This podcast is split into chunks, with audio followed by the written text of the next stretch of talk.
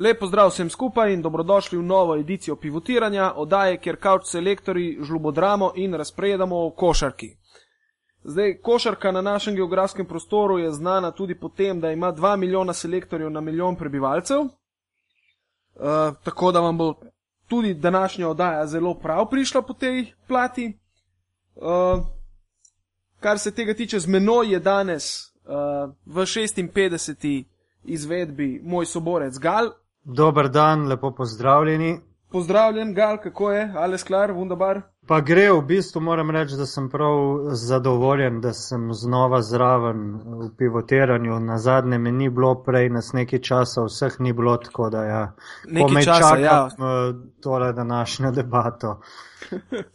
Se mi zdi, da zadnje čase, kadar snemamo, se vsakič opravičujemo, koliko časa nas ni bilo. Ne? Tako da, če bomo povečali gostoto, potem se bomo mogoče tudi nehali opravičevati, ali pa bo prišlo z, v, v navado. Ne? Ja. Uh, lej, uh, danes imamo končno gosta, tako da bi te prosil, da kar narediš uvod in predstavitev, kdo današnji gost je.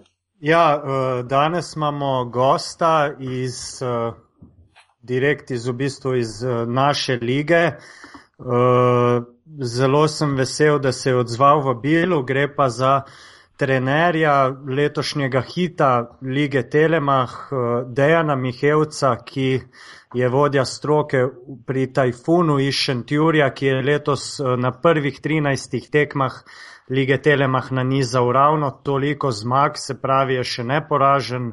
Na kolena je med drugim spravil tudi Krko, eh, tako da, kot sem že prej povedal, se veselim tele debate in eh, Dejana lepo pozdravljam, živijo. Lepo zdrav, ja. Pozdravljen. Lih po večernem treningu predvidevam, ne? Uh, ja, ni dolg časa, ko sem evo, glih prišel domov, uh, nekaj malega prigriznil, zdaj pa se tudi jaz že veselim mal tele debate. Uh, a drugač, uh, drugač poslušaš kakšne podcaste, karkoli tacga si se že srečal s tem kdaj? Ja, moram reči, da je dvakrat, mislim, da sem pošteno povedal. No. Uh, nisem pa čist redno, uh, glede na to, da v bistvu dost mal časa imam no, za takšne stvari. Uh, mislim, za takšne stvari, to so sigurno dosti dobrodošle stvari, ampak uh, dosti je dela pač za svojimi treningi, potem tudi, ko priješ domov, otroci takoj napadajo in uh, uh, potem jim večkrat ne ostane veliko časa ne, za še kakšne obstranske stvari. Ja, ja. Da bi pa rad, ne, večkrat. Ja, v, v zadnjih tednih berem iz kola v kolo, kako klubi govorijo, mogoče bomo pa mi eh, presenetili tajfun in se pripravljajo. In če potem pogledamo na drugo stran, da se tudi vi pripravljate na njih, verjetno uh, je kar precej dela, glede na to, da vas vsak uh, klub hoče nekako prekiniti to, va, ta vaš niz zmag in, in, Vzeti skalp. ja, in so še toliko bolj recimo motivirani. Ja. Uh, pa lahko kar začnemo. Čist Deva neko- najprej čestitati za, za število Ja. zaporednih zmag. Zdaj, a, a, kdo bo prej padel na kolena? Šentjur ali Crvena zvezda? Ja, ne vem, jaz upam, da jaz ne bi nobenem prvoščil, da pade. Tako da mogoče, če jaz rečem, rečem upam, da nobeden, pa da gremo vsi do konca. Ne. Diplomatsko. Ja. Uh, pa bom kar začel uh, z nekak takim klasičnim vprašanjem. Uh, kdaj je pri tebi, Dejan, dozorela ta želja oziroma neka ideja, uh, da bi ti nekako postal trener, resen trener, recimo to, kot eh, kar zdaj si? Uh, kdaj je to bilo in na podlagi česa, kako si se odločil? Recimo? Ja, jaz bom rekel tako, no, jaz, ko, ko sem bil pač mlajši, tam če rečem pionirske kategorije, sem košarko tudi treniral. Ne. Potem sem pa v bistvu na koncu sedmega razreda imel eno tako hujšo poškodbo, uh, v bistvu nad kolenom na kosti, kjer so mi pač en del kosti mogli celo ven vzeti. In uh, takrat sem jaz bil od športa oddaljen, pa tudi od košarke, no, dve leti, ne, celo vse skupaj trajala rehabilitacija.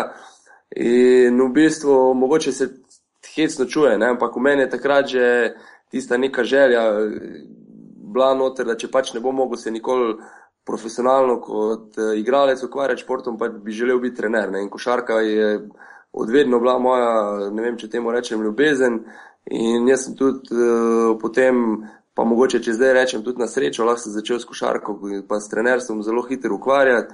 Tako da sem z 19 leti v bistvu uh, že naredil tiste neke prve korake. Mogoče potem, če pa rečem malo bolj resno, ne vse skupaj, pa tam takoj po 20 letu. In, uh, ne vem, in bolj, bolj ko sem noter, bolj me to nekako vlečeno. Je ena droga, ne? Ja, sigurno. Jaz mislim, jaz vedno tudi govorim, jaz imam eno filozofijo, ne, da, uh, ki jo tudi potem poskušam prenesti na igralce, da m, ti kot trener oziroma mi kot igralci, da mi vso to trdo delo moramo upraviti čez teden. Ne. Tekma pa, pa ni več delo, ampak tekma je pa neki rezultat tega, kar, kar smo naredili čez teden na treningih. In mi na tekmi moramo prijeti tja, zato da bomo pokazali, kaj znamo, kak igramo in pa ne na zadnje, da tudi uživamo na tisti tekmi. Ne, ne na zadnje, eh, zato tudi treniramo in pa delamo. Ne. Točno to. Mislim, da je tudi Boža Malkovič razlagal, da je tekmo zmeraj doživljal kot praznik in je to eh, želel dopovedovati tudi svojim igralcem. Ne? Že v Španiji, pač, fanti, tekma je fešta, pridemo in, in, in na tukaj pokažemo to, kar smo delali cel teden, kar že delamo celo življenje. Ne? Ja, to, točno to. Sej, eh, v bistvu, se, če jaz gledam tudi sebe, ne, sobota je en tak specifičen dan, ne, kjer imaš tudi nek svoj ritem. Uh, in se pripravljaš zelo specifično. Ne. Tudi od hrane do vsega. Ne, ne, ne mislim zdaj tu na vraževirne stvari, ne, ker to, to sigurno ne, ampak imam pa nek svoj ritem, kdaj, kdaj jem, uh, uh, mogoče tudi kaj. Ne. Jaz pač na drugi strani sem tudi gorman in si tudi sam pripravljam na v soboto posebne jedi, če izmišljujem si različne stvari. Ne. In dejansko mm. je praznik. Ne. In, uh, Ne, na koncu pa lahko ena žoga odloča o tem, ali, ali bo tisti rezultat vsega tega, kar si se pripravil cel teden, eh, pozitiven ali pa negativen. Ne, zato, zato je tudi toliko bolj pomembno, ne, da dejansko poskušaš eh, preučiti vse detalje in da na koncu poskušaš čim bolj pozitiven rezultat izvleči iz vsega skupine. Mhm. Pa, pa te mogoče ta niz zmag, ki se res že vleče mesece, mogoče na te kakšen pritisk. Uh, ta ni zmag povzročil, recimo zdaj pa, ali bom zmagal še 14 ali ne, ali si mogoče na nek način celo misliš, naj pride že ta poraz, ker pač ni realno, da bi verjetno čist do konca vlekel ne, niz neporaženosti. Kako gledaš na to? Ne, ni, ni, niti, niti približno. No. Jaz, uh lahko rečem, tudi enkrat v, v življenju sem že bil v zelo podobni situaciji. In sicer takrat, ko sem bil v Angliji, uh, kjer smo v bistvu sezono zelo slabo začeli, z v bistvu eno zmago, pa štirimi porazi, potem pa od takrat naprej 22 tekem zapored zmagali in v bistvu tudi osvojili prvenstvo. Ne. In ne vem, meni je pač čist normalen, lahko rečem, pozitiven občutek, bolj, bolj nekako tisti, da, eh, da skoraj da ne more izgubiti ko pa to, da bi me bilo vem, ja. tega strah, da bomo izgubili ali pa nekaj takega. Ne. Uh, tako da dejansko je res neka pozitivna klima okrog vsega tega, zatem se ne obremenjujemo, ne jaz, eh, ne igravci. Eh, z številom zmag, oziroma koliko bi radi dosegli, kdaj se bo to končalo. Dejansko res gremo iz tekme v tekmo in se poskušamo držati te filozofije, ki sem že na začetku omenil, ne, da pač vsak teden je teden za sebe, vsaka tekma je tekma za sebe in uh, vsak teden in pa vsako tekmo je treba čim bolj maksimalno izkoriščiti in pa vsaki se dokazati, da v športu ne na zadnje včeraj ne obstaja, ne, ampak samo danes in jutri. Mm -hmm. Kako pa zgleda recimo eh, tvoja rutina na dan tekme? Kje iščeš pol to inspiracijo, to, ta temperament za, za samo vodenje tekme?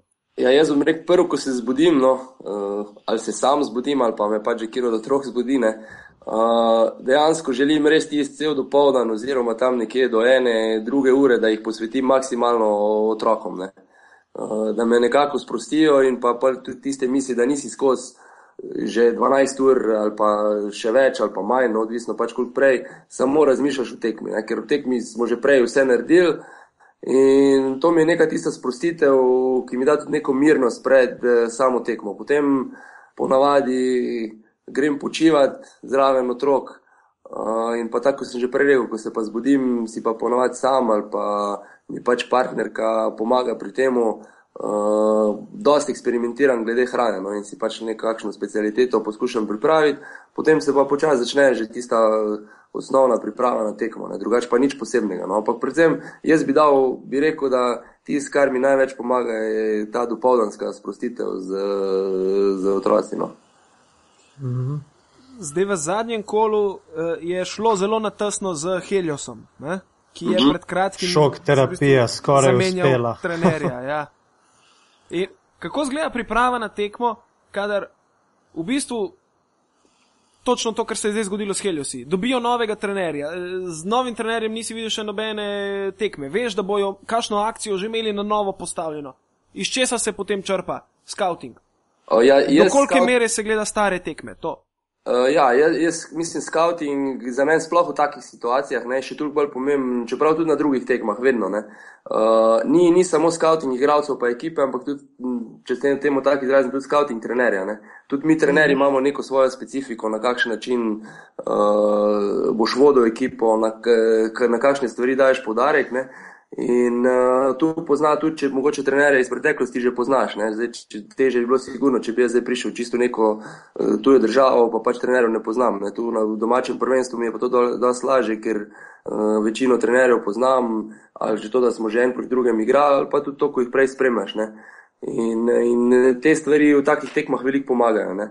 Na drugi strani je pa na takih tekmih igralce predvsem treba pripraviti na to, da bo nasprotna ekipa mogoče dala ne samo 100%, ampak tudi 120%. Ne. In tako ste že sama rekla, šok terapija eh, je vedno v prvih dveh tekmah, ne, sploh so prvi, prvi pa še posebej. Ne. In uh, je pa dejstvo tudi, ja, mislim, mi smo tudi pogledali malo nazaj, uh, kakšno tekmo preletel, ampak glede na to, da je ta menjava bila zdaj res. Uh, V bistvu dva dni prej smo vedeli, da tudi nekih novih stvari ne bojo postavljali, ampak da bojo pač poskušali neke enostavne stvari uh, uh, obdržati, kar se taktike tiče. Ne. Uh, je pa predvsem to, to pristop ne, in pa potem karizma oziroma vodenje trenerja. Ne. Ja, v tej sezoni vam je že kar nekajkrat uspelo dobiti tesne končnice. Tale v Domžalah, pa potem uh, tista v novem mestu je meni ostala v spominu. Uh, kako ti nekako uspe igravce tako eh, nekako strniti, da, da tudi ko gre za nohte, eh, nekako zvlečete, kot po pravilu, vedno, tudi dvakrat ste igrali podaljške. Je kakšna posebna priprava? Jaz mislim, tu je sigurno več, več stvari. Ne? Ena stvar je uh, vem, tudi karakter igralcev, to, to je sigurno. Ne? Eh, na drugi strani je pa, je pa, jaz verjamem to, da vsaka priprava in pa vse, kar delaš na treningu, se potem tudi pozna na tekmah. Ne? In jaz lahko rečem, da mi vsakodnevno uh, te situacije iz končnic, v zadnjih treh minut, zadnjih petih minut, uh, skozi treniramo. Uh, in na treningu tudi skozi prisoten semafor, 24 sekund, uh, specialne situacije, ne, ne vem, zadnja minuta, uh, živa tekma, uh, dovolj, mislim, ostajajo ti uh, še fauli, za narediti mali fauli, oziroma nimaš več in tako naprej. No, zdaj, ne bom preveč mogoče dolgovezel v tem, ampak je to, jaz mislim, da je. Ne, ne, to nas zanima. ja, ja.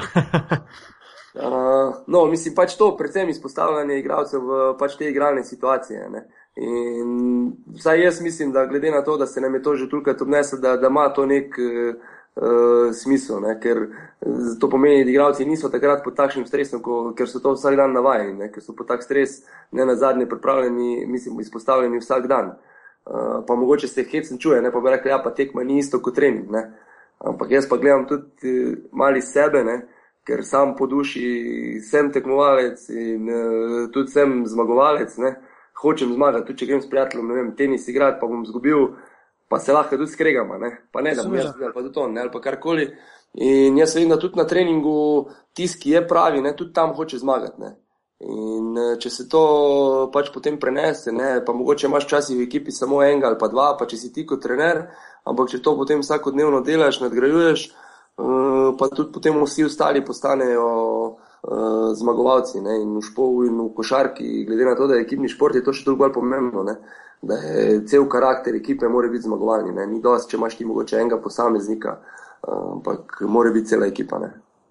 Ja, definitivno. Pa ko smo ravno pri ekipi, se lahko mal vrnemo nazaj na samo selekcijo ekipe Tajfuna, ki je dokaj zanimiva. Imate in mlade fante, in nekaj izkušenih igralcev, tudi nekaj tujcev. Na koncu, mislim, da kot zadnji je prišel Dragiša Drobnjak, ki je, mislim, da kar eden bolj pomembnejših uh, članov uh, vaše ekipe. Kako si mogoče ti, ti selekcioniral ekipo, a si, si predvidel, da, da, da se bo tako dobro ujela? Mislim, dokler potem na koncu ne začne s samimi pripravami, ne, uh, težko predvidiš to, da bo ekipa pač zafunkcionirala res kot ekipa. Ne. Vse ti, sigurno, čez priprave uporabljaš določene metode, s katerimi se dela na pač tem ekipnem duhu, oziroma, če se tako izrazim, na team buildingu. Uh, drugače pa uh, v sami selekciji, kar je meni najbolj pomembno, je to, da, da poskušam vedno zbirati zdrave karaktere. Ne. In jaz mislim, da to, to izhodišče mi je dosti dobro uspel. Uh, tudi mislim, da v drugih sredinah, v katerih sem do zdaj uh, uh, deloval. In jaz verjamem, da to je eden tistih predpogojev. Ne. Ko sta pa že sama omenila, ne vem, na koncu prihod, dragi še drobne, kaj je pa sigurno ena uh, pika na in. On, uh, in jaz mislim, da če bi vsaka ekipa imela enega takega igralca, bi tudi, uh, kaj hočem zdaj navezati, ne mal glede to. Uh, problematiko, ko vsi govorijo, da imajo pa stari igravci, pa to, pa drugo. Ne. Uh, jaz vedno rečem, tukaj ni starih, pa mladih igralcev. Ne. Vedno so samo uh, dobri, oziroma slabi igralci, mislim, slabi, pač dobri igralci ali pa tisti, ki pač niso toliko dobri.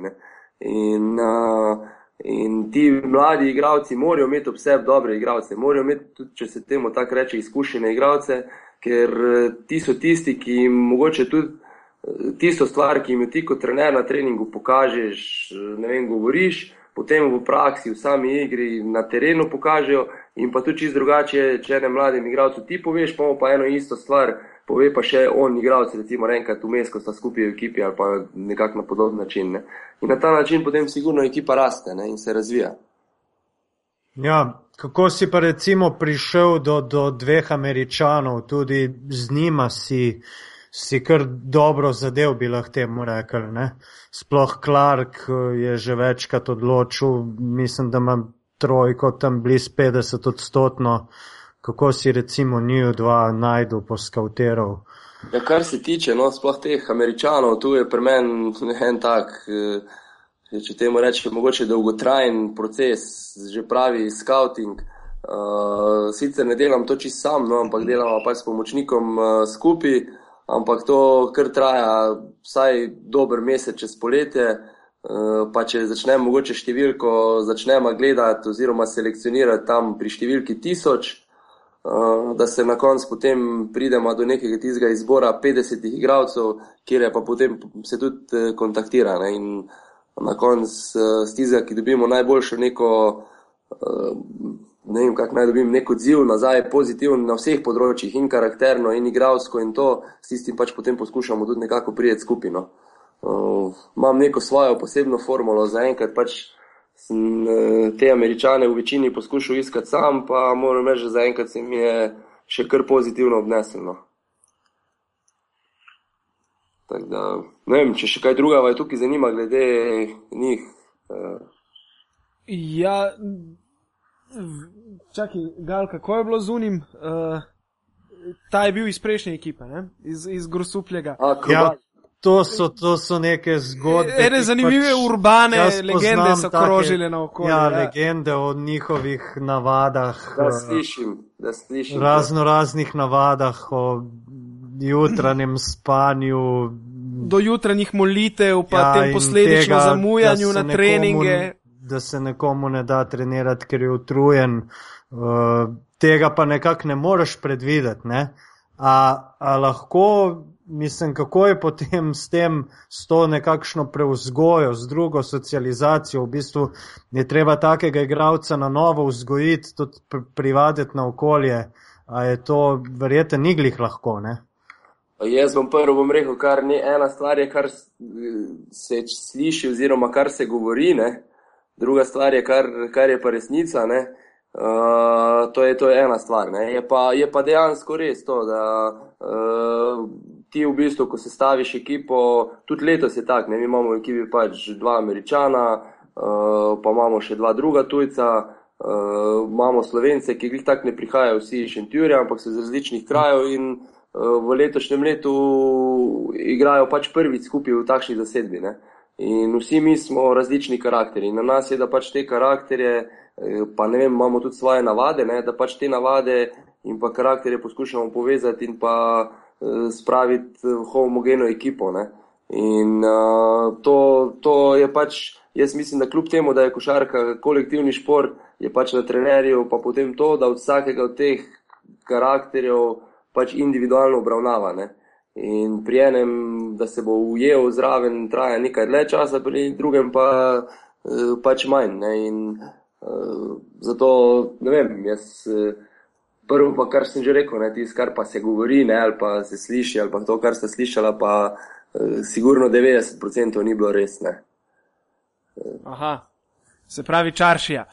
Rekla, ja, kazala. Dej, lej, kar bom pa rekel, kar bom rekel, ne vem, mene stvari, ko slišiš, pa molitve, pa to polno, ne, to, lej, to so pač individualne stvari, vsak od nas ima uh, tudi ja, neko svoje privatno življenje, jaz to pač spoštujem, uh, vsakega in uh, uh, tudi mislim, da neke tiste življenjske stvari pa morajo imeti prednost tudi pred, uh, uh, pred vsem drugim. Ne.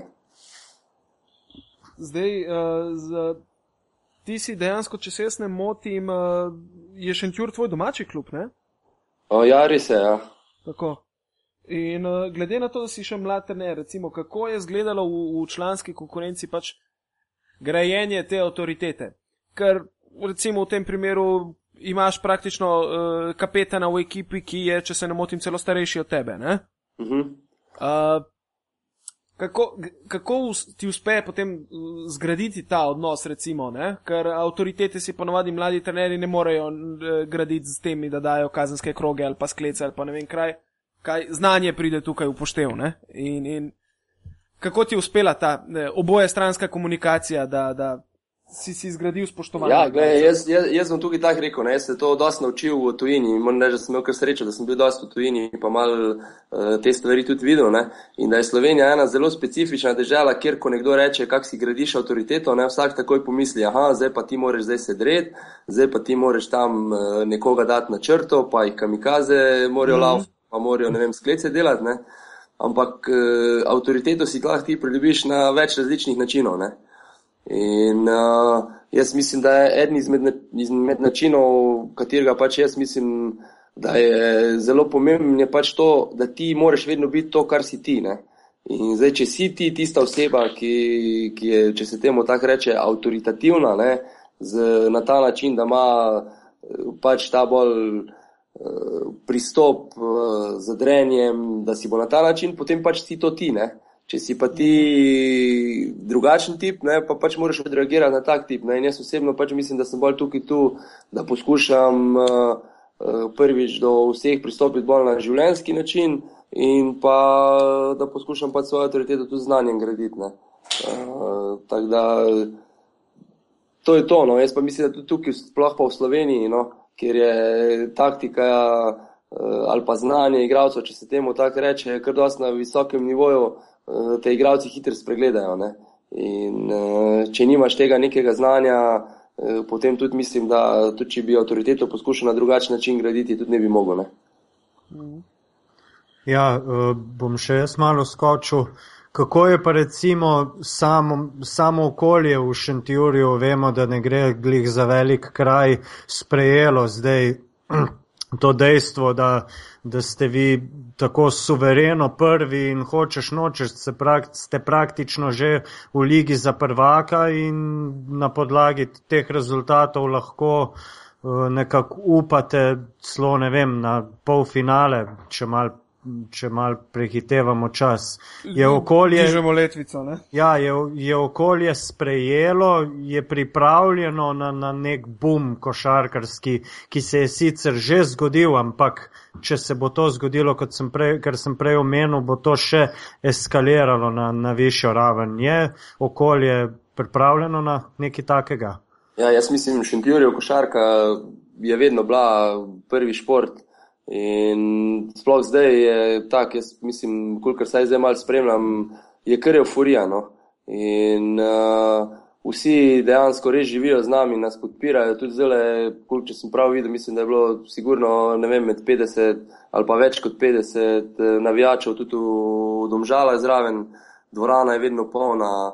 Uh, tudi igravci, ko se pogovarjam z njimi, mi razlagajo, da je zelo pozitivno, ko se srečajo, ne vem, jih srečajo v trgovini. Um, Glej zadnjič mi je, recimo, ne vem, Clark rekel, da uh, je hodil domov, pa, pa, so mu, pa so ga ustavili na ulici, ko je bil dež, pa so ga prosili, mi pa vprašali, če ga pelejo domov.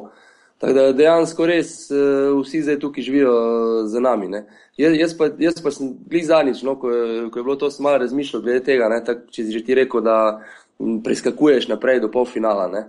Ker jaz, jaz, jaz nikoli nočem teh stvari. Ne? In uh, pa, pa sem nekje zasledil, ne, da se pač bojo glavni rezultati, oziroma da se uspešno sezone šteje na podlagi končnega rezultata. Mm. Jaz bi rekel, ja, mogoče ja, moja ne vem, osebna ali pa nekaj takega. Uh, ja, ne. Kar se tiče pa za sam klub. Ne, Pa mislim, da je to, kar se zdaj dogaja, celo več, kot če bi bila na koncu mogoče uvrstitev v polfinale ali pa še kaj več. Uh, Eh, glede na to, kaj vse klub dobiva zaradi tega zdaj. Ne. Eh, če gledate zdaj dejansko v Šentjurju, ne verjamem, da je bilo še toliko kdaj eh, medijsko pokritosti oziroma zanimanja medijev za sam Šentjur. In uh, to je za nek tak kraj ali pa za tak, kraj, za tak klub kot je Šentjur še toliko bolj pomembno, ne? ker mi tega vsega ne bi imeli, če bi zdaj bili nekje v sredini ali pa tudi v zgornjem delu, ne? ampak tik pod vrhom, pa bi na koncu prišli po finale, bi pač dobili tisto neko kratkoročno eh, ne, zadoščenje, oziroma bi rekli, da je Šentjur presenetil in to je to. Ne. Zdaj pa na podlagi vsega tega, kar se pa zdaj dogaja, pa mislim, da dobivamo tukaj dosti več. Ne. In da jaz že lahko rečem iz vidika kluba, da je to sigurno, kar se v sezone tiče, dosti uspešno. Ne. Ja, sigurno, tudi, tudi sama Slovenija rabi več uh, teh centrov košarkarskih. Uh, ker v, v, zadnjem, v zadnjih letih smo obstali na Ljubljani, Novem mestu in pogojno domžalah. Ne. Vse ostalo je pa bolj ali manj, pa če bom zdaj mal kritičen, mrtvo, ker pa včasih ni bilo. Ne. Kako je pa recimo pri vas v klubu? So klubske ambicije take, da, da bi, da bi nekako šli stopničko više, če bi nekako letos dosegli nek zavidljiv rezultat, pa ne bom zdaj govoril o Abu Leiji ali pa čemrkoli, ampak uh, bi vas klub dohajal na nek način lahko, ali so nekako zadovoljni s tem, kar, je, kar se je do zdaj zgodilo. Ne, jaz mislim, da je ena pozitivna stvar Šentjurja glih to, ker eh, v Šentjurju, vsaj v, v vodstvu kluba, ne, pa tudi eh, to, kar sem že prej rekel, ne, ljudje imajo zelo radi košarko in pa imajo tudi visoke ambicije. Ne? In zdaj sicer mogoče jaz nisem glih prava oseba, da bi zdaj rekel, ali, ali na koncu bi prišli do tega, da bi se to zgodilo, ali pa se ne bi zgodilo. Ne? Ampak jaz verjamem, da če bi kakršna koli kje možnost bila, da sigurno bi se eh, razmislil tudi o tem. In eh, ni dvakrat za reči, da, da se ne bi zgodilo tudi kaj večjega. Eh, jaz mislim, da nekakšni pogoji so. Uh, zdaj, mogoče sama dvorana ni, ampak tudi ni, ni pa toliko daleč uh, ne vem, eno celje, ne, pa ima zlato rok in podobno, če bi bilo kaj eh, nujnega že za kak višji nivo, ne, potrebno. Ni pa to neka razdalja 10 km, mislim, da to ni nič, ne. Uh, zdaj, ali pa ja, ali pa ne, se sem rekel, je pa težko mene sprašvati, kar se mene tiče, jaz, ja, bi, ja. jaz bi sigurno rekel, da ja. No. Zdaj, uh, jaz geografsko sem malo slabši, da me popravi, če se motim. Šentjur pripada Kozjanskemu. Ne? Ja, tako je. Ja, tako je. Okay. Mislim, konec koncev, če pa kozjanci ne bi znali narediti žura, parkrat, kot sem bil tam naokoli po kozjem, pa lesičnem, pa tako naprej, je zmeraj bilo na polno. Da, kar se tega tiče, bi zelo rad videl, kakšne oštre derbije. V, v, v Šentjurju, da vidim, kako kozjanci razharajo sceno. Bi bilo kar zanimivo, ja. Pa uh, preko si omenil, da si uh, gurman in da rad eksperimentiraš s hrano, ne? Uh mhm. -huh. Kaj je bilo na jedilniku pred Krko? U, pred Krko. ja. Zdaj je že kar nekaj časa nazaj. Ne? Ja. Zdaj, jaz nisem da me vprašal, kaj je bilo zdaj z, z domžalam, ne? to bi mogoče ti lažje samo odgovoriti. Predvidevam, da so bile kakšne pleskavice z zelo ostro tucano papriko, je moglo biti nekaj ljutega. Ne, po mojem je bilo kaj bolj morskega, no. Zdaj, malo, mišljam, ampak tež, tež, zdaj bi se zlagal, če bi ti rekel točno, kaj je bilo. No. Pa že veš, kaj bo na eh, dvoboju z Olimpijo?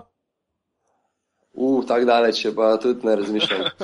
Zdaj počasi poča, začenjam razmišljati, kaj bo zdaj konc tedna z Laškim, ampak še nisem tako daleč, da bi živel. Ker, veš kaj je največkrat? največkrat ja, pivske klobase, ne? Možno tudi, ne. Drugač pa, veš kaj je tisto, ko sem prej rekel, ne, da do povdan, največkrat takrat do povdan me neki prime, ne, tudi, in potem grem tudi z otroci v trgovino, pa skupaj nabavimo, pa take stvari, ne. In takrat razmišljam, takrat, ko me prime tista, ne vem, kaj, kaj se mi takrat zlušta in tisto potem hočem narediti. Da, bolj ta kratkoročno, težko mi je reči za naprej. Ali pa za nazaj, potem za razmišljati, kaj snije do mesec, pa pol nazaj, recimo, ali pa en mesec. Ja. Ma je na podlagi jedilnika potem možno napovedati, katera akcija bo prva odigrana na srečanju? ne vem, če bi hotel hecu reči, pa lahko rečem, da je možno. Druga, drugače pa bolj od ekipe odvisno. Seveda. Uh, no, še eno vprašanje sem imel, če zajadram malo nazaj v resno temo. Uh, Šentjur igra eno tekmo na teden. Ne? In uh, kako potem zgleda dinamika trenažnega procesa čez teden? Se pravi, za vikend je tekma. Recimo, če v soboto tekma je pol kaj nedelja, prost dan, ponedeljek se že začne gazenje, hardcore ali je počasi regeneracija in kdaj se pa začne dejansko taktična priprava na nasprotnika. Ja, zdaj v bistvu do zdaj, ne, do zdaj zadnjih dveh tednov, takrat tak smo imeli še pokal, ne, da smo igrali še uh, ob torkih tudi čekne. Ja. No. Ampak drugače pa, ja, no, mislim, uh, nedelja je sigurno prost dan, uh, zdaj glede na to tudi, da pač na rezultate, pa tudi drugačne. Jaz, jaz mislim, da nek balans med tem treningom pa uh, med odmorom tudi more biti. Jaz že dolg časa Eh, ko gledam to, to me je naučil pač en eh, kondicijski trener, v bistvu še v reprezentancah mlajših starostnih kategorij in se tega kar dobro držim, da, da je uspeh ne, posameznika odvisen od treh različnih stvari. In zdaj, če si predstavljate krok, ne, pa da ga razdelimo na tri, tri dele. Ne. In v enem imaš trening, v enem je prehrana in v enem je počitek. In zdaj, če eno od teh treh ni vredno, potem ostala dva trpita. Uh -huh. In jaz poskušam najti tudi nek balans. Ne, med, zdaj, naj, največ kot trener lahko vplivam še vedno na trening in pa na počitek oziroma na regeneracijo. Ne, na hrano pa z nekimi predlogi, eh, z nekimi pogovori, ampak ti ne moreš vedeti, zdaj vedno tu, kaj bo pa potem oni realno jedli. Ne. Eh, in, eh, in to je tudi tukaj. No, in zato jaz pač zagovarjam, da tudi ponedeljek do povdan damo jim še potem pač malo podaljšeno pauzo in nekako tukaj pri nas začnemo v ponedeljek zvečer za treningi. Uh, imamo pa v bistvu tam nekje do četrtka skozi uh, mal daljše treninge, uh, tu dve ure recimo, potem pa mal spustimo, ne četrtek, petek pred uh, uh, samo tekmo. Zdaj v sklopu pokala tu zdaj velik trening nismo spuščali, ne, glede na to, da smo tudi v večini pač imeli uh, nasprotnike iz uh, nižjih lig. Um, tako da to je to, no, kar se zaenkrat tiče. Kako je pa recimo z nastanitvami igralcev, jih je večina v Šentjurju ali se dejansko mislim, da ali se tudi vozijo iz malo dlje oddaljenih krajev? Ne, mislim, vse, kar, je, kar so tujci, pa to imajo pač v Šentjurju stanovanja. Uh, zdaj Šentjurčani so pač tu. Zdaj, da je pa kdo iz dle, pa razen dle, ko iz celja, tu ni noben. No. Tako da to je pa 10 km, to pa je 10 minut vožnje. Uh mhm. -huh. Tako da ni nič želeno. Aha, pa tudi pri pr selekciji nisi bil omejen s tem, da če bi bil pač nekdo iz dle, bi mu pač klub priskrbel stanovanje, ne bi bilo s tem problema. Ja, mislim, omejeni smo pač številom stanovanj. Ja, ja. Ampak ni pa, ni pa zdaj zaenkrat, se, se je to dosti dobro išlo. No. Okay. Uh, ja, nič, gremo Anglija. Š... Anglija.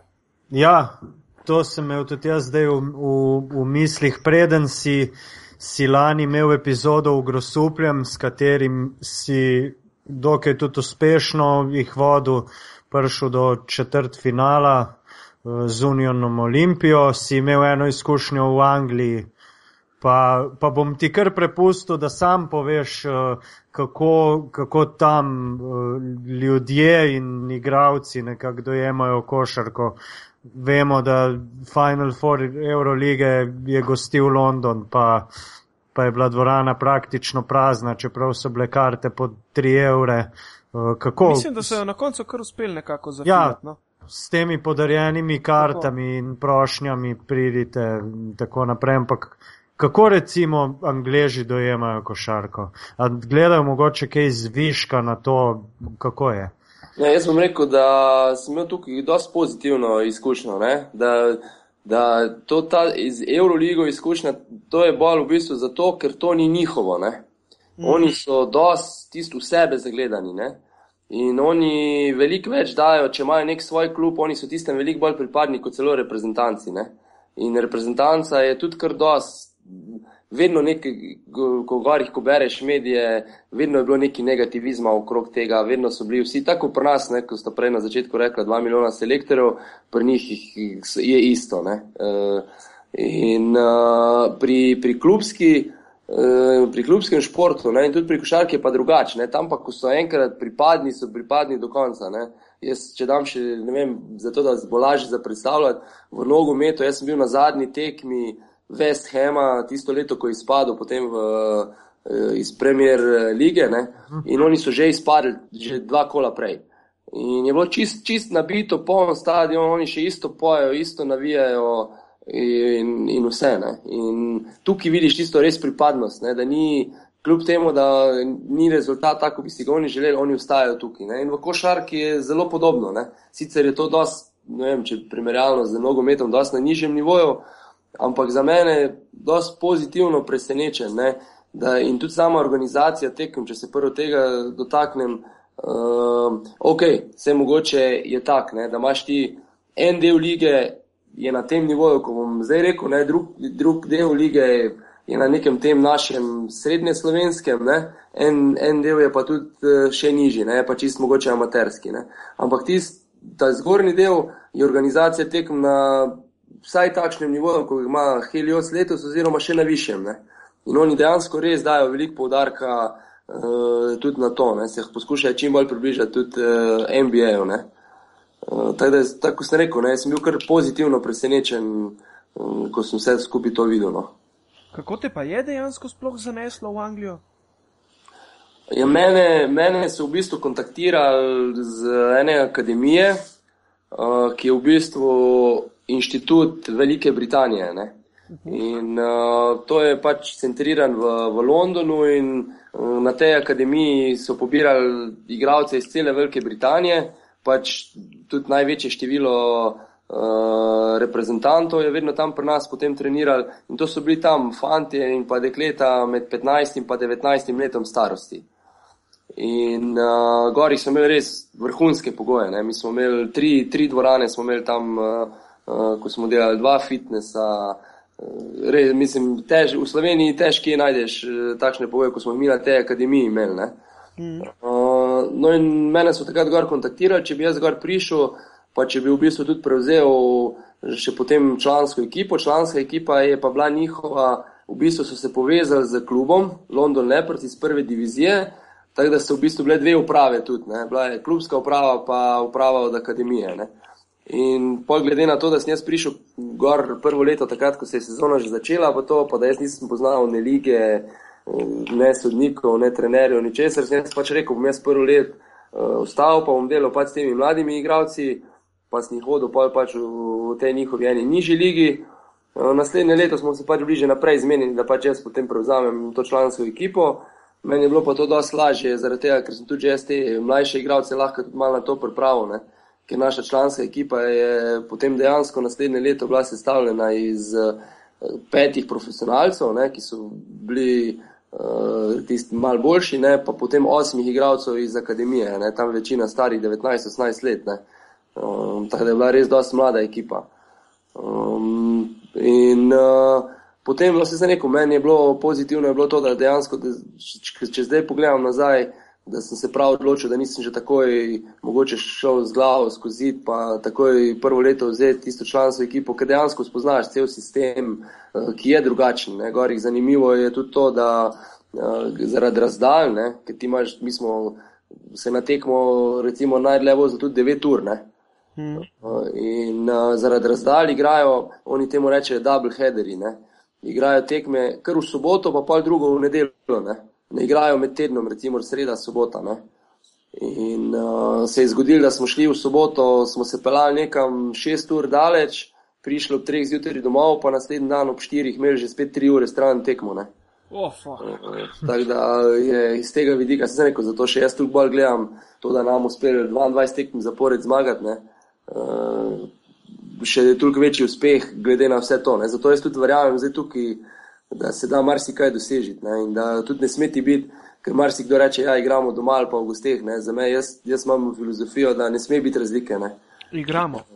Ja, igramo in uh, pač to. No. Da, je dosti zanimivih stvari bilo, no, pa dosti zanimivih prigod tudi, ampak uh, na kratko na, na to upam, da sem vam odgovoril. Ne, super, sam, sam to me še zanima. Kakšna košarka se pe? Igra gor, recimo, stilsko, S mhm. katero Evropsko ligo bi lahko primerjal? Ja, Mislim, ne, ne, ne po, ne po zdaj, uh, samem uh, težavnosti, ampak čisto stil igre. Ali je mhm. to bolj ranen gan košarka, je to bolj grška? Ja, jaz Humo. mislim, da je bolj, da je primerljiva tam s kako francosko. Uh, dost uh, ran gan uh, igre, predvsem z uh, to pro B francosko. Uh -huh. um, oni vse, vse, kar delajo, ne, se oni poskušajo primerjati z američani. Ne. In oni tudi, eh, ne vem, gor jih je dosti zelo zanimivih igralcev, ne, ki tudi grejo že kot mladi, grejo v Španijo na različne akademije, ne vem, Tao, keramiko, študijante. Eh, ampak oni, kljub, kljub vsemu temu, ne, oni največ samo Amerika, Amerika, Amerika in največ grejo gor na koledže. In tukaj si velik teh tudi mogoče perspektivno zelo dobrih angliških igralcev. Eh, zapravi neko svojo pot v karieri. Saj jaz osebno mislim to. In, in to, to je ena stvar, in tudi se zgleduje samo po NBA, v NBA, in potem še to mogoče malo na napačen, na napačen način gledano. Ker tudi konec koncev, če zdaj spremljamo NBA, ne sploh končnico, ne, tudi ni več, da bo rekla, da ekipe nič ne igrajo. To, ne, ti imaš ekipe, ko imajo 50 različnih napadov ali pa več, ne, mm. ali pa specialov izpeljank, izpeljank iz napadov. Eh, ne, v, v NBA-ju, pa različnih postavitev obramb in je dosti več taktike, kot je bilo včasih. Ne. Oni pa še vedno tu grejo bolj na ta enostaven način. Ne. In uh, meni je pač tam gori uspel potem združiti tam, mogoče nas, če temu jaz rečem, bolj evropski način ali pa slovenski način. Ne. Pa, pa pač ta njihov ranen gan. Ne. In jaz mislim, da smo tudi na podlagi vsega tega potem dosegli ta rezultat, ki smo ga dosegli. Pa, eh, recimo, Kakšna pa je taktična podkovanost teh igralcev? Aha, mogoče, ja, no, mogoče to, kar si mi že prej vprašal, uh, kakšna je, ne vem, če mogoče rečem, kakšna je kvaliteta ali pa to. Ne. Uh, Gorih je recimo taktično liga na, uh, bi jaz kar rekel, ne vem, na dosti nižjem nivoju kot ko slovenska liga. Medtem ko individualno boš pa najdel tudi dosti boljše igralce, kot jih najdeš v, v slovenski ligi. Ne. In, pa tudi to verjetno, ne? Ja, atletov, pa tudi drugače, tudi tako. Ne, ne vem, zdaj, če se spomnite, kaj je Travis Nelson, recimo, ki je igral tudi pred parimi leti v Šentjurju. Uh, uh -huh. Mislim, da je tudi bil en MVP lige, pa to ono, on iz Anglije prišel, recimo. Uh, potem Krubali, lani, ko je igral pri meni v Grusuplu, je igral v Angliji. Uh, en drug igralec, ko sem ga jaz imel, uh, gorih isto leto, takrat kot Krubali, bil še dosti boljši od njega, je šel pa v Ventspils, uh, mislim, Ventspils. Uh, Tako da eh, je kvaliteta igralcev individualno na gorih eh, dosti visoka. Ne? Eh, je pa sploh za tudi za te američane, ki jih je dosti gorih, ne? mogoče malo lažje, ne? zato ker je pač angliško govoreča država in pa tudi sam London ne? je vele mesto in se dosti lažje prilagodijo, ne? kot pa nekdo mogoče včasih. Ko pride iz uh, večmilijonskega mesta, mogoče ne v Šentjur ali pa Lani v Grusuple ali kaj podobnega. Ne?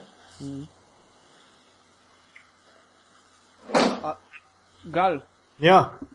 Šaltava naprej na, na Evropo ali sva še kaj pozabila to, kar vprašati? Pa, ne vem, jaz bi še, še nekaj imel, bo, recimo, da nazaj skočimo na našo ligo. Uh, kako ti dejan gledaš na, na to zdaj vedno v zadnjem obdobju vsakega trenerja vprašam uh, na razvoj uh, prve slovenske lige? Uh, Imamo, vemo, da, da povprečna starost pada z leta v leto, da, da se poudarja, da, da je povprečna starost, ne vem, 20-21 let. Ampak, ko pride do, do, do ključnih momentov na tekmah, le te odločajo Goran Jagodnik, Dragi Šadrobnjak, Goran Jurak in taki kalibri, ki, ki, so, že, ja, ki so že blizu 40, recimo. Ne. Eh, kako ti gledaš na razvoj lige, nekih mladih, eh, ki bi, ki bi zadej bili, ki bi nekako lahko že vloge nosilca imeli, jih ni?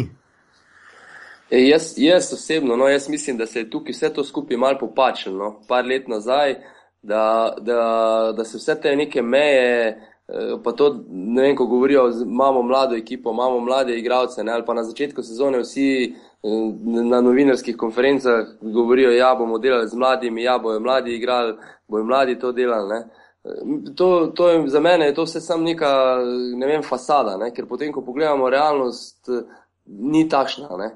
In na drugi strani tudi realnost ne more biti takšna. Vse eh, mladi, kdaj so pri nas mladi igrali? Pri nas lahko naštejemo pet mladih, ki so bili dejansko za to, kar mi zdaj govorimo, mladi, takrat mladi. Ne? Pa je bil to, ne vem, mogoče Udrih, pa Bečirovič, Smodiš pa Nahbar. Smodiš pa Nahbar. Vsi Dobre, ostali so pa glih tako rabili nek svoj čas, da so dozoreli. Če pogledamo enega, eh, tudi naših najboljših igralcev, Jaka Lakoviča, ne? on je mislim, zdaj, če se ne motim, ne me zdaj za besedo vzeti, ampak mislim, da šele s 23 leti ja, podpisal res eno uh, pravo pogodbo. Ne. Zdaj pa že vsak, ko je 17 let star, če ni kar pri članih, že glavni igralec, ja, zdaj je pa že zamudil, pa iz njega ne bo nič. Ampak eh, to ne gre tako hitro. In zdaj se je začel prehitevati in se kar preskakuje. Ne. Največji problem je pa tudi to, da je ta preskok zgrešen v mlajših starostnih kategorijah. Ne. In da v Sloveniji, vsaj to, kar jaz pač opazujem, enostavno mladinske selekcije nimamo več. Ne? In mladinci pa kadeti trenirajo skupaj in so samo kot tekmovalna skupina, eni igrajo v soboto, oziroma pol ekipe, oziroma pol štiri, pet, tisti, ki so dejansko sploh še mladinci, ne? vse ostalo pa tako, tako kadeti igrajo. Ne? In nekdo, ki pride iz pionirske kategorije in je danes star 15-16 let, pa igra za kadete, potem je za njega naslednja stopnička že v bistvu članska košarka. Ne? In on štiri leta to sprema in štiri leta bi on raje bil pa član. In zdaj, če v štirih letih on že krnine, jih veliko tudi obupa ali pa zgubi nek motiv. Ne? In uh, tu, tu jaz vidim ta en velik problem. Ne? V sami ligi, v sami ligi je, je pa tak, ne, uh, igrati vedno more kvaliteta. Ne? In uh, zdaj, ali je to mlad, ali je to star. In jaz še vedno govorim, da mi tudi nimamo tako malo število teh mladih. Uh, zdaj trenutno, ki uspel, ne, se ne na zadnje uh, en rebec, en uh, hrova, to so 95-letniki, to so to, kar smo govorili, to so 20 let stari fanti. Ali pa Rupnik, pa ne vem, Omiči. No, to so vse mladi fanti za mene, ko jaz gledam. In to so tisti fanti, ki zdaj realno v pravem trenutku dobivajo pravo priložnost in se lahko razvijajo uh, potem za naprej. Uh, Tako da, če bomo, če bomo pametni, pa postopno, pa ne bomo poskušali prehitevati, mislim, da je lahko tudi čisto normalno svetla prihodnost tudi v Sloveniji za naprej. Ne? Aha, potem eh, ti ne vidiš težave v tem, da, da je vem, da en 22-letnik recimo, še vedno recimo, igra prvo slovensko ligo. Ne, da ni to neka etiketa, ki bi potem rekla, da če zdaj le ni, pol ne bo nič iz njega. Ne, mogoče to, to si lepo rekel, ne? etiketa, to je slovenska etiketa. Ne? Hm. In vsi tako verjamemo, ampak jaz osebno pa mislim, da ni tako, ker ne na zadnje, poglejmo tudi uh, američane, ki hodijo v Evropo. Ne? Večina teh fantov je starih od vem, 22 let naprej. Ne?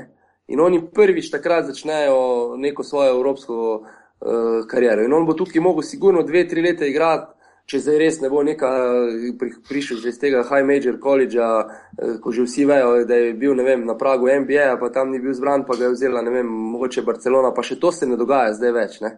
tudi vsi ti fanti ali pa vsi ti veliki klubi bojo zelo malo vzeli rukijo. Bojo vedno počakali, da bo prvi prišel v Evropo, pa bo tukaj odigral dve, tri sezone, pa ga bojo potem vzeli. Ne? In to so potem fanti stari 25, 26, 27 let. Ne? Zakaj bi pa v Sloveniji mogli biti eh, drugačni? In jaz mislim, da smo tukaj mi sami dali to etiketo, da če nekdo pri 19, jaz mislim, da to 22, ko si rekel, to je že. To je že pri nas, že stari igralec. Ne? Ti reče, se nimaš nobenega mladega, če imaš 22 let starega v ekipi. Ja. No, in to smo si sami mi tukaj naredili. Ne? Da če nekdo pri 16, 17 že ne igra članske lige, aha, to pa je že konec, to ne bo pa nič iz njega. Ne? Ja. Uh, ja, nič, pa pojmo zdaj še malo bolj v sproščene vode, ker smo se prej z necem pogovarjali, da te bova malo poprašala, uh, katero košarko, kater nivo in katere lige ti uh, recimo pogledaš čistko najraje izven delovnega časa. Ja, da ko imaš recimo četrtek zvečer ali pa kjerkoli drug dan. Kako si pa... to namignil zdaj, četrtek zvečer? ja, mislim, kadarkoli, katero, katero ligo ali pa kateri nivo košarke uh, si najraje pogledaš, da te malo odpelje iz te vsakdanje rutine treningov. Jaz, jaz bom rekel tako, da med sezono ne, uh, za svojo dušo premalo pogledam. Ne. Zelo malo pogledam, ker enostavno mi, mi zmanjka časa in največ pogledam slovenske lige, pošteno povedano vsaj vsak teden tri tekme, ne? še dodatno, vsaj tiste ekipe, ko pa z njimi igramo. Drugače pa ja, eh, če pa le najdem čas, eh, pa je še vedno tu na prvem mestu Euroliga, eh, pa Abu Leiga. To, to, to je prvo, kar sploh mogoče še najlažje, pol, mogoče največ tekem je še tu, kakšne Abu Lige, kako nedeljo. Ne? Mm. Uh, mogoče to, to največ, drugače med tednom je pa zelo, zelo malo časa, da bi uživo uh, pogledal. Tudi zvečer, tako prijem še domov, ne vem, okrog desetih, uh, pol pa, uh, da se še umiješ, pripraviš, pa pa še kak se pripravljaš za naslednji dan, uh, ker je se najlažje pa zvečer, en dan prej še malo pripravim, pa še spet za scouting, za, za skupinski scouting, za naslednji dan pripraviti, pa pogledati, pa je hiter ura, polnoči ena. Ne, da, to, ampak ja, je pa to, kar ste rekli. No. Kar se meni osebno tiče, še vedno Euroliga na prvem mestu, Jadranska liga, to je to. No. Kjer ekipa ti je letos v Euroligi tako najbolj fascinantna, da gledaš? Kjer bi lahko rekel, kjer se zraven učiš, ko gledaš, recimo, oziroma si fasciniran, ko gledaš? Je kaj takega? Ne, se, jaz, jaz velikrat, ko, ko gledam tudi tako Euroligo, se mi malkrat zgodi, da kjer tekmo celo pogledam. Ne. Ampak gledam, vi to, ko si prej omenil, ne, četrtek, če že ne, se zgodi, pa gledam eno tekmo, gledam pol čas, pa, pa vidim neke tiste stvari. Sploh ne gledam tekmo kot navijač, ne, ampak poskušam gledati, kaj oni delajo, kje poskušajo napadati, kako obrambo igrajo. Včasih si izberem vem, enega igralca, ne, pa gledam, kaj igrajo za njega ali pa kaj ga nekdo poskuša braniti. Eh, pa takšne stvari, pa, pa grem pa predstavim, pa gledam drugo tekmo, ne, eh, pa si drugega zamislim. Medtem ko od samih sistemov mi je pa najbolj všeč v bistvu tu v Euroligi Pablo Laso, pa Željko Bradovič, no, eh, kar se tiče sistema igre. No. E, to, zdaj ko si omenil Željka Bradoviča.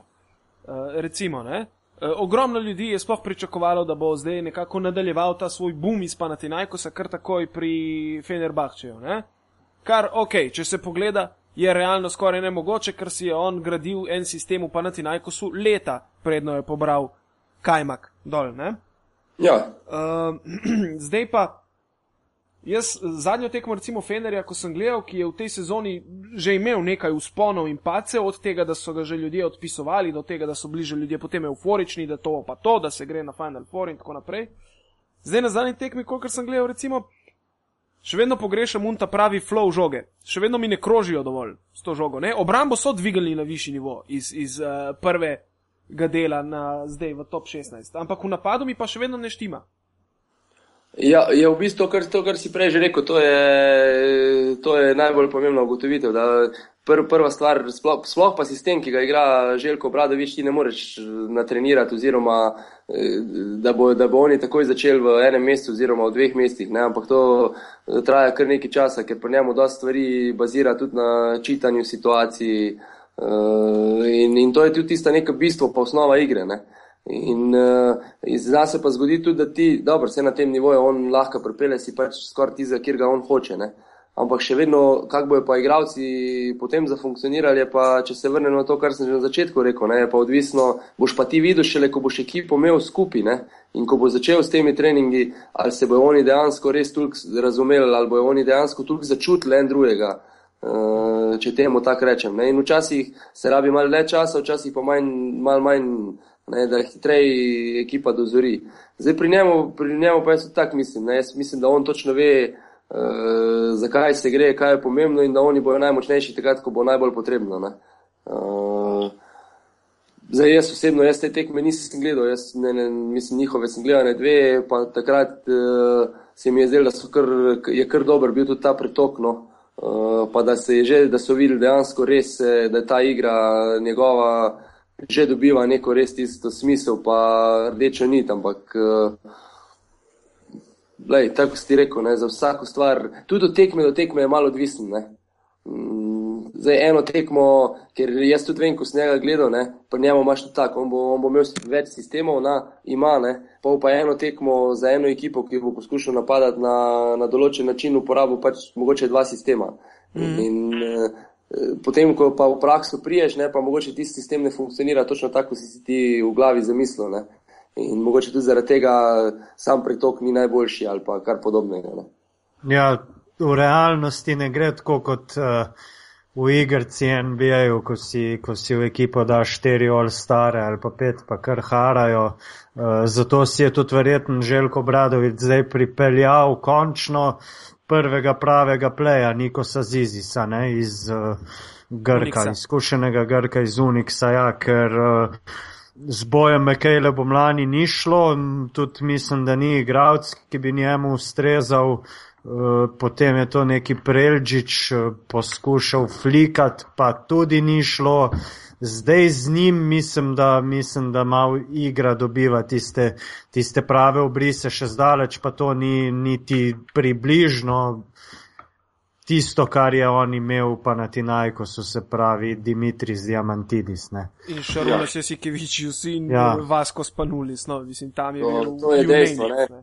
Še posebej, če gledaš, da dejansko Bek mora biti motor ekipe, ne more biti podaljšana roka uh, trenerja ne, na igrišču. In, uh, če, se, če jaz gledam tudi, da beka, moraš ti včasih ali, ali najti podoben karakter, kot si ti, ne, ali pa uh, moraš tukaj znati potem ali njega prilagoditi ali pa sebe prilagoditi njemu. Ne. Če, boš, če bo ta šla pa vsak svojo pot, pa sigurno potem tudi ekipa ne more imeti uspeha. Ne. Seveda, polje vozi miško. Ja.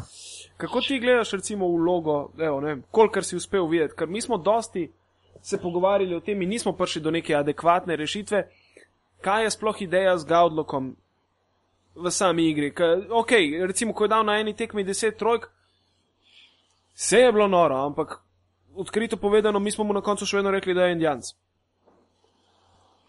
Ja, ja. ne vem. To je Mislim, vrhunski indijanc, res mora imeti ogromno perjanico, ne rečem nič, poglavar, ampak indijanc. Če, ja. če, če razradikaliziram zadevo, da se razumemo. Ja, vem, ja, jaz, le, jaz, jaz bom tako rekel. Jaz ne rad uporabljam za nobenega takšnih nazivov oziroma takšnih besed. Ne. Pač vsak ima nek svoj tist, slog, stil igre in če, ajde pa če že rečemo zdaj. Vsak, jaz, jaz tudi v svoji ekipi včasih rad imam kakega indijanca. Ne. E, pa bom povedal zakaj. Ne. Tudi zaradi tega, ker ko, ko ti nič več ne gre, ne, ko pa mogoče tvoj sistem ne gre, pa grih tizga indijanca, mogoče vržeš v ogen, ne. Bo pa njemu proradilo. Tako rečemo ja. na velice, evo, pa bo njemu šlo, pa se bo lahko nekaj spremenil, ne. Ker uh, jaz tudi poskušam vedno tako gledati, ko, ko si stavljaš ekipo, ne, da imaš beke, ni, da nista dva ista beka, ne, ali po stilu igre, ali po karakterju, ampak da sta si različna karakterja, pa malo različen stil igre imata, ne. Glih zaradi tega, da lahko ti tudi menjaš nek ritem tekme, ne. In če, če enkrat tek, nek ritem ne gre, ne, vržeš drugega, pa bo zamenil ritem, pa bo zaradi tega lahko prenesel preobrat. Ne. In, in tak, tak, tak, to, to, tukaj je lahko zelo pomembna vloga, ne? tudi nekoga takega, ko se mu reče, mogoče indijanc. Je pa vredno, vredno pri takih igralcih, je pa vedno tako, da tak igralec ti bo ali tekmo lahko preobrnil, ali pa ti bo pač izgubo. Se, tako, se pravi, ali al, uh, dvigne ekipo ali pa zakolje, ne? ni, ni, ni ja. umestne poti. Ja, ni, ni tiste, ko bi rekel, ne, da ti vedno od njega dobiš tisto, kar pričakuješ ali pa oziroma kar predvidevaš pred tekmo. Mm. Ja, uh, ste imeli v Euroligi še kaj v mislih? Predvsem tebe sprašujem, Nec, če si mislil še kaj izpostaviti oziroma vprašati? Ne, bi mogel. Ne. Potem bom pa jaz mal prešal to na ABA ligo, ker je ravno kar uh, pred nekaj minutami Crvena zvezda uh, dobila 18 tekmo v tej sezoni in se že 8 kol pred koncem rednega dela uvrstila v playoff, kar je nekaj neverjetnega, nepredstavljivega. Uh, tudi Crvena zvezda ima indijanca v Markusu Williamsu. Uh, pa me recimo Dejan zanima, kako, kako si ti recimo, koliko tekem si pač uspel pogledati. Uh, se ti dejansko zdi, da je Crvena zvezda toliko više od vseh ostalih ekip, da praktično se poigrava iz kola v kolo z nasprotniki? E, jaz mislim, da je pri Crveni zvezdi največja, največji plus to, da dejansko to ni ekipa. Pa ne rečem zdaj vseh, ne normalno, ekipa se menja, se doselekcionira, ampak da oni so v zadnjih dveh, treh letih pokazali neko kontinuiteto oziroma nek ta dolgoročni cilj. In oni so če bi temu da rekel tri leta nazaj, verjeli, da lahko naredijo to, kar delajo zdaj. Ne? In eh, oni dejansko so ostali na tem nivoju, ko je Abba Liga bila dve, tri leta nazaj, medtem ko večina ostalih klubov pa pač roko na srce, vsaj koliko sem jaz gledal, mislim, da tudi kvaliteta Jadranske lige ni čist več taka, kot je bila. Pa, da, je. Uh, da je, da je mal padla. Medtem ko je pa zvezdi pač uspel zadržati nek ta nivo. No. To, to jaz mislim, in pa vse ostalo, druga se normalno poklopi. Jaz verjamem, da jim je tudi ta neka uh, kemija, uh, da jim je to uspelo zgraditi. Uh, Ker ne na zadnje, tudi kot se jaz ne rekel, samo pošteno sem povedal, jaz veliko tekem nisem gledal, no. ampak kar sem gledal, dejansko igrajo in v brambi, in v napadu tečejo uh, in to, to je dosti pomembno. Ne. Ja. Mene, mene, ne, mene osebno ne, ne presenečajo, da bi tako rekel. Jaz, jaz dejansko tudi za njih eh, gledam, mislim, to, da sploh ne vem, kdo bi jih lahko premagal. No? Da bolj tako gledam, skar v Jadranski ligi. Ne? Ampak sigurno je pa možnost vsakega, ne? vsak ima možnost to. Ne? Ja, mi smo uh -huh. se mhm. presnič, recimo, med sabo mal spičli. In, in prišli do tega, nismo prišli do tega zaključka, del nas je prišel do tega zaključka, da uh, pogojno bi jih morda lahko celo Partizan v playoffu premagal, ob predpogoju, da dobijo nekega realnega playa. Noter, ne? To misli, to, to pa takrat tak, Partizan zvezda, uh, to pa za mene lahko je zvezda.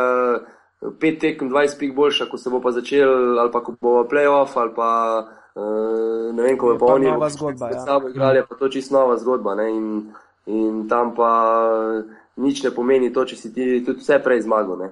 Mm, to so pa vedno tekme za sebe. Ne? In tu pa ni samo eh, ta kvaliteta, ampak tudi vse ostale stvari vplivajo zraven. Tam to pa je skoraj za mene. Vojna. Ja, točno tako je. Ja. Ja, kako si pa recimo spet, kot si lahko spremljal v vidu predstave slovenskih dveh klubov, Olimpije in Krke, zdaj le se je nekako najprej bil štart Krke, precej nerealen s tistimi petimi zmagami na prvih šestih tekmah. Zdaj sta se, ne vem, mislim, da ekipi ustalili tam, kamor tudi sodita, to je nekak sredina lestvice za obe moštvi. Uh, kako si recimo videl razmerje sil teh dveh ekip v tej ligi in uh, koliko klubov ti misliš, da realno Slovenija bi morala imeti ali pa bi bilo za njo dobro, da ima? Verjetno potrebujemo še en klub. Za ja, sam razvoj košarke, če ne drugega. Prvo, prvo, kar je, sem v bistvu zelo vesel, da Krki pa Unijo Olimpiji gre tako in gre. Uh, jaz verjamem, da ob nekem takšnem sistemu oziroma načinu dela, ki so se ga v oba dva kluba zastavila, zdaj pač predvsem sploh v teh zadnjih dveh sezonah, uh, da bo to v prihodnosti še boljše. Veseli me tudi dejstvo, da je v obeh klubih kar nekaj teh, tako smo se že prej pogovarjali, ne, mogoče malo mlajših igralcev, uh, da tudi imajo neko vlogo, ne, da, da igrajo in pa da so dokazali, da lahko na tem nivoju igrajo, je pa nujno, sigurno, vsaj dva kluba sta nujnost, medtem ko tretji pa sigurno bi bilo boljš eh, za sam eh, razvoj košarke. Ne. S tem, da jaz mislim, da bi bilo najboljš, če zdaj tako gledam, ne, da če so to zdaj trije, pa da sta dva vsaj tista, ki igrata mogoče tudi potem slovensko ligo. Ne. Ker kljub vsemu temu, da se ne siromaši. Ja. Ja, točno tako. Ne? In eh, da je tudi liga, slovenska liga, ne, na, zatem, ko Krka igra slovensko ligo, tudi nekaj pridobila eh, s tem. Ne? In um, samo kvaliteto, gledanost, eh, medijsko podporo. In to je ena tista zelo pomembna, en zelo pomemben dejavnik za, za razvoj slovenske košarke. Ja, v bistvu si kar sam odgovoril na vprašanje, ki sem ga imel pripravljenega.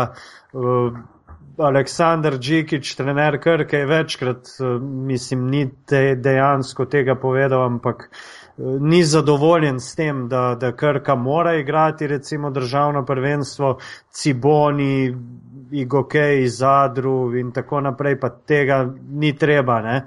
Ampak je nekako, eh, tudi jaz, ko spremljam to na dnevni bazi, je nekako mal dvignila s tem, češ pri nas pa danes gostuje petkratni zaporedni prvak, je mal uh, dvigan la hype uh, lige, hočeš, nočeš. Ja, to je prva stvar, druga stvar pa gledaj, tudi vsak že v izhodišču, ne, že pri selekcioniranju igralcev uh, je, je imel više merilo. Ne. Vsak si je poskušal sestaviti ekipo, ki bo lahko igrala, ne vem, če se temu reče, tudi mogoče za krko. Ali pa to. Ne? In je sama selekcija ekip na začetku bila močnejša, kot bi bila drugačna, ker vsak na začetku kljub malo kalkulira, da to rabim za to, to rabim za to. Ne. E, zdaj pa vsi mogli vedno tiste miške, tistem, ki je najvišje. In, in zdaj smo imeli pač vsi neke više cilje in smo zaradi tega verjetno tudi se sestavili malo boljše ekipe. Uh, tako da jaz mislim, da to, to sigurno je pozitivno. Na drugi strani pa tudi tako, ok, ja, mogoče tu nekaterim klubom eh, iz naše regije ni treba. Ne? Če pa pogledamo zdaj spet neko špansko prvenstvo ali pa te močne klube vodilne v, v Euroligi, ne? to vsi igrajo in domače prvenstvo in Euroligo. Ne? In, uh, jaz mislim, da to ni nič slabega in da, da tudi to za Krko uh, na koncu se bo pokazalo kot pozitivno. Ne? Se ne na zadnje, uh, koliko je le možno, tudi njihovi mlajši igralci dobivajo nekaj več. Uh, Eh, priložnosti. Ne? Pa spet tukaj se pokaže lahko tudi karakter teh ostalih igralcev, ne? ki dobijo priložnost, ali so zreli že za preskok, ali niso. Ne? Ja, pa tudi ne na zadnje so kar nekajkrat zgubili in so jim drugi dali s tem vedeti, da, da pač se ne bodo samo sprehodili ne, skozi državno prvenstvo. Ja, to ne na drugi strani je pa spet to tudi nek motiv za, za nas, vse ostale. Ne, mm. uh, ne to, vse gledaj, vse, vsak ve, vsak, vsak od nas uh, ima svoje probleme, ne, čez teden, pa so to poškodbe, pa so to bolezni. Ampak pač to je sestavni del uh, športa. Ne, jaz, jaz tudi, če sam, ne vem, skoraj ga ni bilo tedna, da ni bilo neke, vsaj neke minimalne poškodbe nekoga, ampak zdaj, pač tako se reko, to je sestavni del. Ne, zdaj, skozi o tem zdaj govoriti ali pa razpredati, nima smisla, ne? ker na koncu po tekmi te ne bo noben vprašal, ali je on bil poškodovan ali je on bil bolan, ne? ampak sam vsak pogleda rezultat. Ne? Točno to. Ja, ja. Mislim, da smo si s tem dali lepo istočnico, da tudi privedemo debato do konca. Ne? Ja, mislim, da, da je bilo kar obsežno in, in tudi dokaj zanimivo zelo zanimivo. Ja. Dejan, najlepša ti hvala, da si se odzval po vabilu in, in hvala ti za pestro debato. Želim ti pa predvsem veliko sreče že na naslednji tekmi proti Zlatorogu. Hvala, jaz bi, jaz bi če lahko samo eno stvar še. Kar, kar. Uh, mogoče na vse za zaključek. Uh, kaj je bil meni največji kompliment v, do zdaj v letošnji sezoni? Uh, Uh, meni je zadnjič en, ne vem, prijatelj uh, rekel, da je napač na enih od teh uh, košarkarskih forumov uh, bral, da v bistvu, kako srečo imam jaz letos, da ekipa tako tak uh, sama igra na tekmah. Ne? Ja, valjda se je to. in, uh, in to sem jaz rekel, lej, on je meni prije, pa celo je rekel, kako kak se to tep, ne pa to ono. Sem rekel, lej, za mene večjega komplimenta jaz ne bi mogel dobiti. Ne? Sem rekel, to samo potrjuje mojo filozofijo, ker jaz vedno govorim to, kar sem vam že prej rekel. Ne? Isto, ti kot trener bo svoje delo naredil čez teden na, na treningu, uh, igravci bojo pa v soboto pokazali to na igrišču, pa odigrali uh, te stvari. Ne? In uh, boljš, ko boš ti naredil, uh, boljš bojo odigrali, pa manj ti bo treba vsega tega na tekmah uh, potem popravljati ali pa karkoli delati. Tako da to, kot sem jaz rekel, ne? to je neko tisto potrditev v moji filozofiji in pa sam še ena dodatna nagrada zraven. Ne? Ja, uh, zdaj se bom tudi jaz pridružil, hkrati čestitkam za to izjemno sezono do zdaj in v isti sapi še seveda želim, da bi vsaj tako, če ne še boljše, tudi nadaljevali, pa čim manj poškodb in da bi tudi na koncu uh, lahko sezono označili kot odlično, čeprav je to lahko v bistvu že zdaj. Najlepša hvala. Tako je. Ja. Veliko sreče in še enkrat hvala, za, da si prišel v pivotiranje. Ja, Ja, hvala. hvala za povabilo, pa še veliko dobrih udaj kot vama. Ne? No, hvala. Ja. Tole je bil Dejan Mihevc, poslušali ste 56. Ja, izvedbo pivotiranja, če se ne motim. Eh, Podcast pivotiranje se nahaja na strani www.apparatus2p.si slash pivotiranje. Eh, Gor imate še en kup drugih podkastov, tako da feel free to browse. Um, mrežo aparatus lahko podprete, zato da se bomo mi lepše znašli in nabavili še kaj od opreme in pokrili stroške gostovanja na serverjih in, in stroške vzdrževanja spletne strani in tako naprej. Uh, najdete nas tudi v iTunesih, kjer lahko tresnete kakšno oceno noter. Valjda mislim, ne nam dati eno zvezdico, ne? to se daje pet, da se razumemo. Zato, da nas bodo drugi lažje našli, ne? Ker... Zbale, kaj sem še pozabil povedati. Uh, mislim, da kar se tega tiče, si kar povedal vse. Ja, ne, pozabil si, da ima pivotiranje svoj Twitter profil, afna pivotiranje in svoj Facebook profil. Uh, nas pa lahko najdete tudi na osebnih profilih, ne boste verjeli. Uh, mene zbale z dvema L, moje takšne in drugačne nabijancije, analize in vse pa na košarka.si še malo moram tukaj narediti reklamo, pa bom pol vrnil to z objavo tega podcasta, tako da mislim, da je fair. Ta košarka.si bom veš kako dal. Uh, bom dal tako full močen reverb gor, ko ga izgovoriš, da bo, da bo veš un tak glorije zvok, ko pride ven. Ja, od to, to, to, tako- vidiš. Košarka.si. Nekaj. ja, to, to, to. Evo, to je zmenjeno. Mene najdete na, na um, tudi na Twitterju, kaže, ja, Tibor Jablonski z enim T in z enim Y. Um, Miho, ki ga pa danes ni bilo tukaj, uh, pa najdete pod Afna Penkalis in Damirja pod Afna Mr. D 25, je tako? Ja, sploh mislim, da me je Miha Penko prehitev po followerjih, da ima tri več. Uh, Jaz sem včeraj presegel mejo tisoč, on pa danes, zato tisti, ki sledi Penkota, odfollowat ga in da, da bom še vedno imel primat. Fuck me, you're Kao. famous. to je to.